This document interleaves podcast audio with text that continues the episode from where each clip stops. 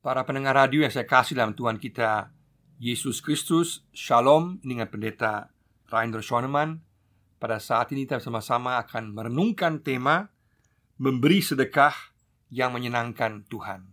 Memberi sedekah yang menyenangkan Tuhan. Kita membaca dari Matius pasal 6 ayat 2 sampai 4 Matius 6 ayat 2 sampai 4 Jadi apabila engkau memberi sedekah Janganlah engkau mencanangkan hal itu. Seperti yang dilakukan orang munafik Di rumah-rumah ibadat Dan di lorong-lorong Supaya mereka dipuji orang. Aku berkata kepadamu Sesungguhnya mereka sudah mendapat upahnya. Tetapi jika engkau memberi sedekah Janganlah diketahui tangan kirimu Apa yang diperbuat tangan kananmu. Hendaklah sedekahmu itu Diberikan dengan tersembunyi maka Bapamu yang melihat yang tersembunyi akan membalasnya kepadamu. Memberi sedekah yang menyenangkan Tuhan. Dalam Matius pasal 5 ayat 48 sebelumnya, Yesus tekankan bahwa kita semua dipanggil untuk menjadi sempurna sama seperti Allah Bapa sempurna adanya. Artinya supaya kerohanian kita, ibadah kita bukan sekedar formalitas, tapi sungguh-sungguh lahir dari hati yang terdalam, bersifat murni, bersifat asli, dan sungguh-sungguh datang dari hati yang terdalam dan bukan sekedar hanya pameran keluar, bukan sekedar hanya bersifat show secara rohani atau hanya menunjukkan kerohanian, tapi sungguh-sungguh datang dari hati yang terdalam. Hal yang sama Yesus juga tekankan dalam pasal 6 ayat 1 sebelumnya. Dia katakan bahwa semua kewajiban agama kita semua kebenaran, kebaikan yang kita lakukan haruslah dilakukan dalam sikap sungguh-sungguh murni di hadapan Tuhan dengan tidak mencari pujian manusia, bukan sekedar formalitas, bukan sekedar hal lahiriah, tapi sungguh-sungguh datang dari hati yang terdalam. Dan di sini Yesus memberikan tiga contoh, tiga contoh hal yang sering terjadi dalam kehidupan Yahudi pada waktu itu, di mana nampak kehidupan kerohanian dan ibadah yaitu berkaitan dengan pemberian sedekah, berkaitan dengan doa, dan juga berkaitan dengan berpuasa.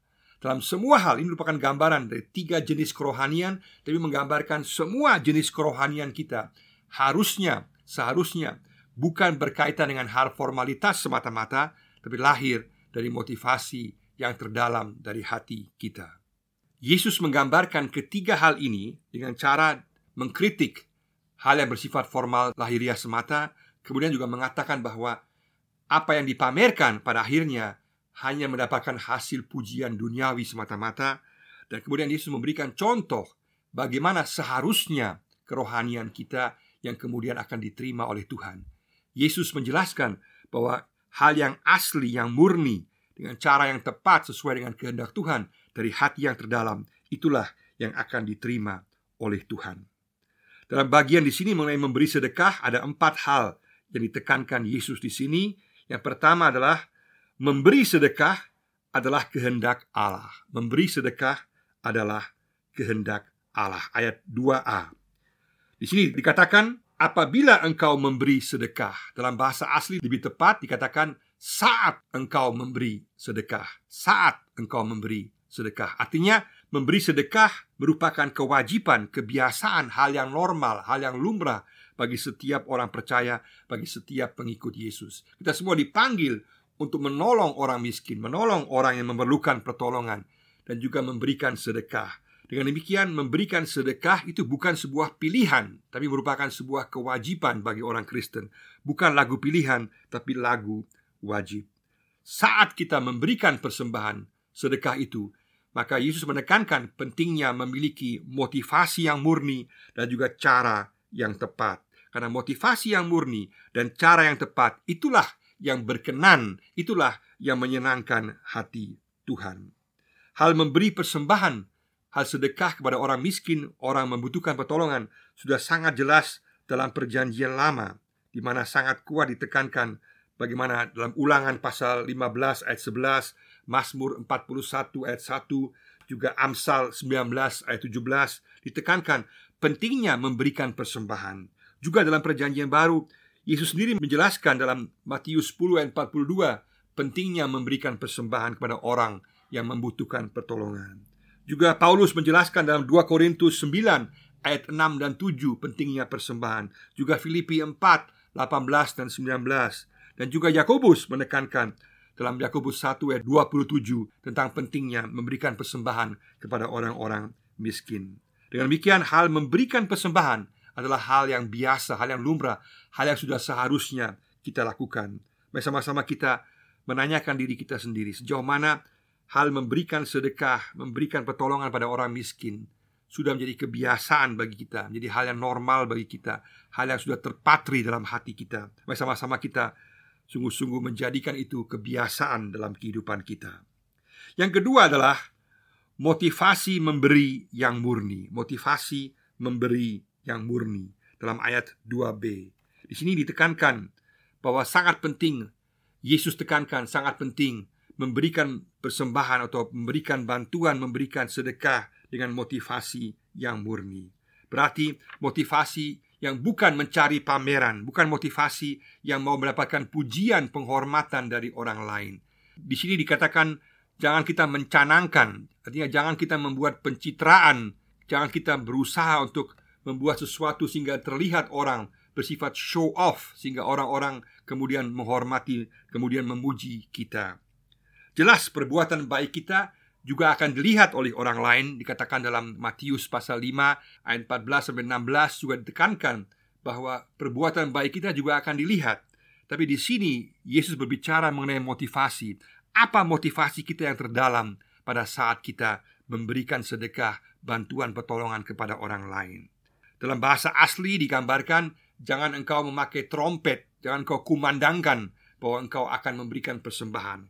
Karena dulu biasanya pada saat ada bencana, ada masalah, kemudian ada trompet dibunyikan, orang berkumpul, kemudian orang memberikan sedekah, sehingga ada kesempatan yang besar untuk bisa memamerkan diri, menunjukkan kebaikan, sehingga orang semua lihat dan semua orang memberikan pujian. Yesus mau menjaga kita supaya kita jangan sampai memiliki motivasi yang salah dengan hanya mencari pujian orang. Nah, pujian orang ini digambarkan Yesus sebagai hasilnya telah diterima, upahnya telah diterima, mereka telah mendapatkan pujian. Tapi model seperti ini tidak diterima oleh Tuhan. Ini merupakan sebuah peringatan yang keras bagi kita bahwa bukan sekedar memberi yang menyenangkan Tuhan, tapi juga memberi dengan cara, dengan motivasi yang murni itu yang menentukan bagi Tuhan. Bersama-sama kita memeriksa motivasi kita saat kita memberi. Apa alasan kita mau memberi? Menyenangkan Tuhan atau mencari pujian orang lain. Yesus menyebut mereka yang memberi dengan cara pamer sebagai orang-orang yang munafik atau orang-orang dalam bahasa asli Yunani artinya hipokrit. Hipokrit artinya seorang pemain, seorang pelaku yang berlaku seolah-olah. Bisa berlaku seolah-olah baik untuk tujuan yang buruk, juga bisa berlaku seolah-olah rohani, tapi ternyata dia tidak rohani dan dia sebenarnya menipu dirinya sendiri, tapi juga bisa dalam arti bahwa dia pura-pura melakukan kebaikan dan beranggapan bahwa kebaikan yang dia buat itu sudah benar, padahal sebenarnya ditolak oleh Tuhan. Dan pengertian terakhir ini bahwa dia berpikir bahwa tindakannya benar, itulah yang dikritik oleh Yesus karena berlaku memberikan persembahan sekedar untuk pameran, dipuji orang, berarti tidak benar di hadapan Tuhan, tidak diterima oleh Tuhan. Sebuah peringatan yang sangat keras dari Yesus di sini. Mari sama-sama kita memeriksa diri kita sejauh mana kita sungguh-sungguh memberikan dengan motivasi yang murni. Yang ketiga adalah cara memberi tersembunyi dan tanpa pamer. Cara memberi tersembunyi dan tanpa pamer. Ayat 3 sampai ayat 4a. Di sini Yesus menjelaskan bahwa cara memberi yang benar adalah dengan cara tersembunyi, bahkan dengan gambaran metaforis yang begitu indah. Yesus tekankan bahwa jangan sampai tangan kiri tahu apa yang diperbuat tangan kanan. Artinya sedapat mungkin, sejauh mungkin membuat kebaikan tanpa dilihat orang. Jelas bahwa pasti ada juga yang akan lihat, ada juga yang tahu, tapi motivasi kita tidaklah boleh agar orang lain melihatnya. Tidaklah boleh agar orang memuji kita, tapi sungguh-sungguh tujuannya adalah setersembunyi mungkin sehingga tidak dilihat orang, sehingga motivasi kita sungguh-sungguh murni bertujuan untuk menyenangkan Tuhan dan menolong orang yang membutuhkan pertolongan. Karena ini hal yang sangat bahaya untuk kita manusia Karena kita manusia sangat mudah terjebak dalam kesombongan, keangkuhan Untuk mau dipuji, dilihat orang. Kita terjebak juga dalam kesombongan rohani Sehingga terlihat bahwa kita orang yang baik Dengan memberikan banyak. Memberikan yang banyak adalah hal yang benar Tapi dengan motivasi yang murni Itulah yang menentukan Banyak atau sedikit yang kita berikan Yang menentukan adalah motivasi kita yang terdalam dan sebaik mungkin, sejauh mungkin dilakukan secara tersembunyi sehingga tidak dilihat oleh orang lain.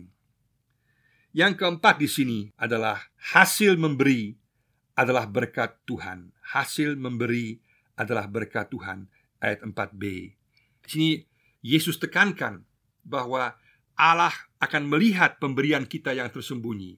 Allah akan melihat karena Allah dapat melihat segala sesuatu dan dia akan melihat motivasi kita, dia akan melihat cara kita dan dia pasti akan membalasnya. Dalam bahasa asli membalas juga berkaitan dengan memberikan berkatnya memberikan kebaikannya baik secara jasmani maupun secara rohani dalam kehidupan sekarang maupun juga kekal selama-lamanya. Artinya kita memperoleh kedamaian sukacita ketenangan juga memperoleh kecukupan dalam kehidupan sehari-hari kita tapi juga sekaligus kepastian kehidupan kekal dan di sorga Tuhan tahu apa yang telah kita lakukan sehingga semuanya itu menyenangkan Tuhan sesuai dengan kehendak Tuhan dan juga jadi berkat bagi orang lain, menolong orang lain. Di sini Yesus sangat tegas mempertanyakan setiap kita dan ini bersifat sangat-sangat pribadi untuk setiap kita untuk memeriksa masing-masing kita. Sejauh mana praktek kita memberikan sedekah bagi orang lain? Sejauh mana kita serius dengan mata yang terbuka melihat kebutuhan orang lain? Diakonia adalah hal yang sangat penting dalam pelayanan Kristiani, bukan cadangan, bukan sesuatu yang sekunder, tetapi sesuatu yang sungguh-sungguh primer, yang utama, yang penting, memperhatikan kebutuhan, apalagi kebutuhan sesama orang percaya kita, dan juga kebutuhan orang lain yang ada sekitar kita, dan juga dunia secara keseluruhan. Maka, sejauh mana hal memberi bagi mereka yang membutuhkan diakonia merupakan hal yang sungguh-sungguh terpatri dalam kehidupan kita sebagai orang percaya sekaligus juga sebagai jemaat dan gereja Tuhan di tengah-tengah dunia ini. Yang kedua juga sejauh mana motivasi kita murni dalam memberi sedekah. Apakah kita memberi supaya dilihat orang, dipuji orang, dapat penghormatan orang atau kita memberi karena syukur kita, karena kepastian kita kita telah diselamatkan, karena kita tahu Allah telah memberkati kita Dan kita meneruskan berkat kita kepada orang lain. Memperhatikan mereka yang membutuhkan pertolongan Dengan motivasi yang murni. Yesus rindu agar kita memiliki motivasi yang murni. Bukan mencari pujian manusia Tetapi mencari penerimaan Allah Mencari pujian Allah. Yang ketiga Kita juga periksa diri kita masing-masing. Sejauh mana cara kita memberi Apakah sungguh-sungguh tersembunyi kita berusaha sejauh mungkin agar tidak terlihat ataukah kita masih ada kecenderungan untuk mau pamerkan pemberian-pemberian kita supaya dilihat orang, dipuji orang, dapat penghormatan orang.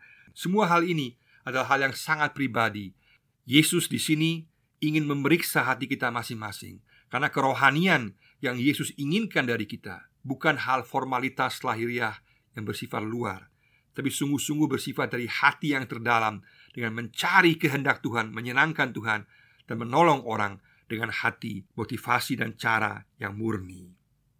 Dan terakhir, kita boleh yakin bahwa hasil memberi kita adalah berkat Tuhan. Pasti akan memberkati kita dengan berkatnya secara jasmani kecukupan pada dunia saat ini juga untuk kehidupan kekal, ada kepastian keselamatan, ada berkat rohani, ada kedamaian, ketenangan, sukacita yang Tuhan berikan baik di masa kini maupun masa yang akan datang.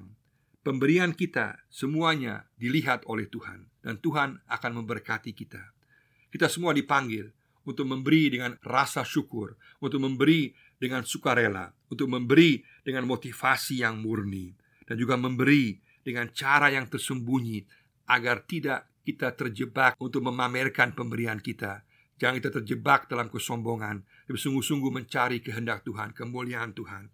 Dan pada akhirnya kita boleh meyakini bahwa hasilnya Tuhan akan memberkati kita. Tuhan tidak akan membiarkan kita sendiri. Berkatnya secara rohani, keselamatan kehidupan kekal, damai pengharapan, dan juga jaminan kehidupan sehari-hari kita juga akan dia perhatikan Dia akan memelihara kita. Mari sama-sama kita memberi sedekah kita, persembahan kita dengan cara menyenangkan Tuhan. Kiranya Tuhan memberkati kita semua. Amin.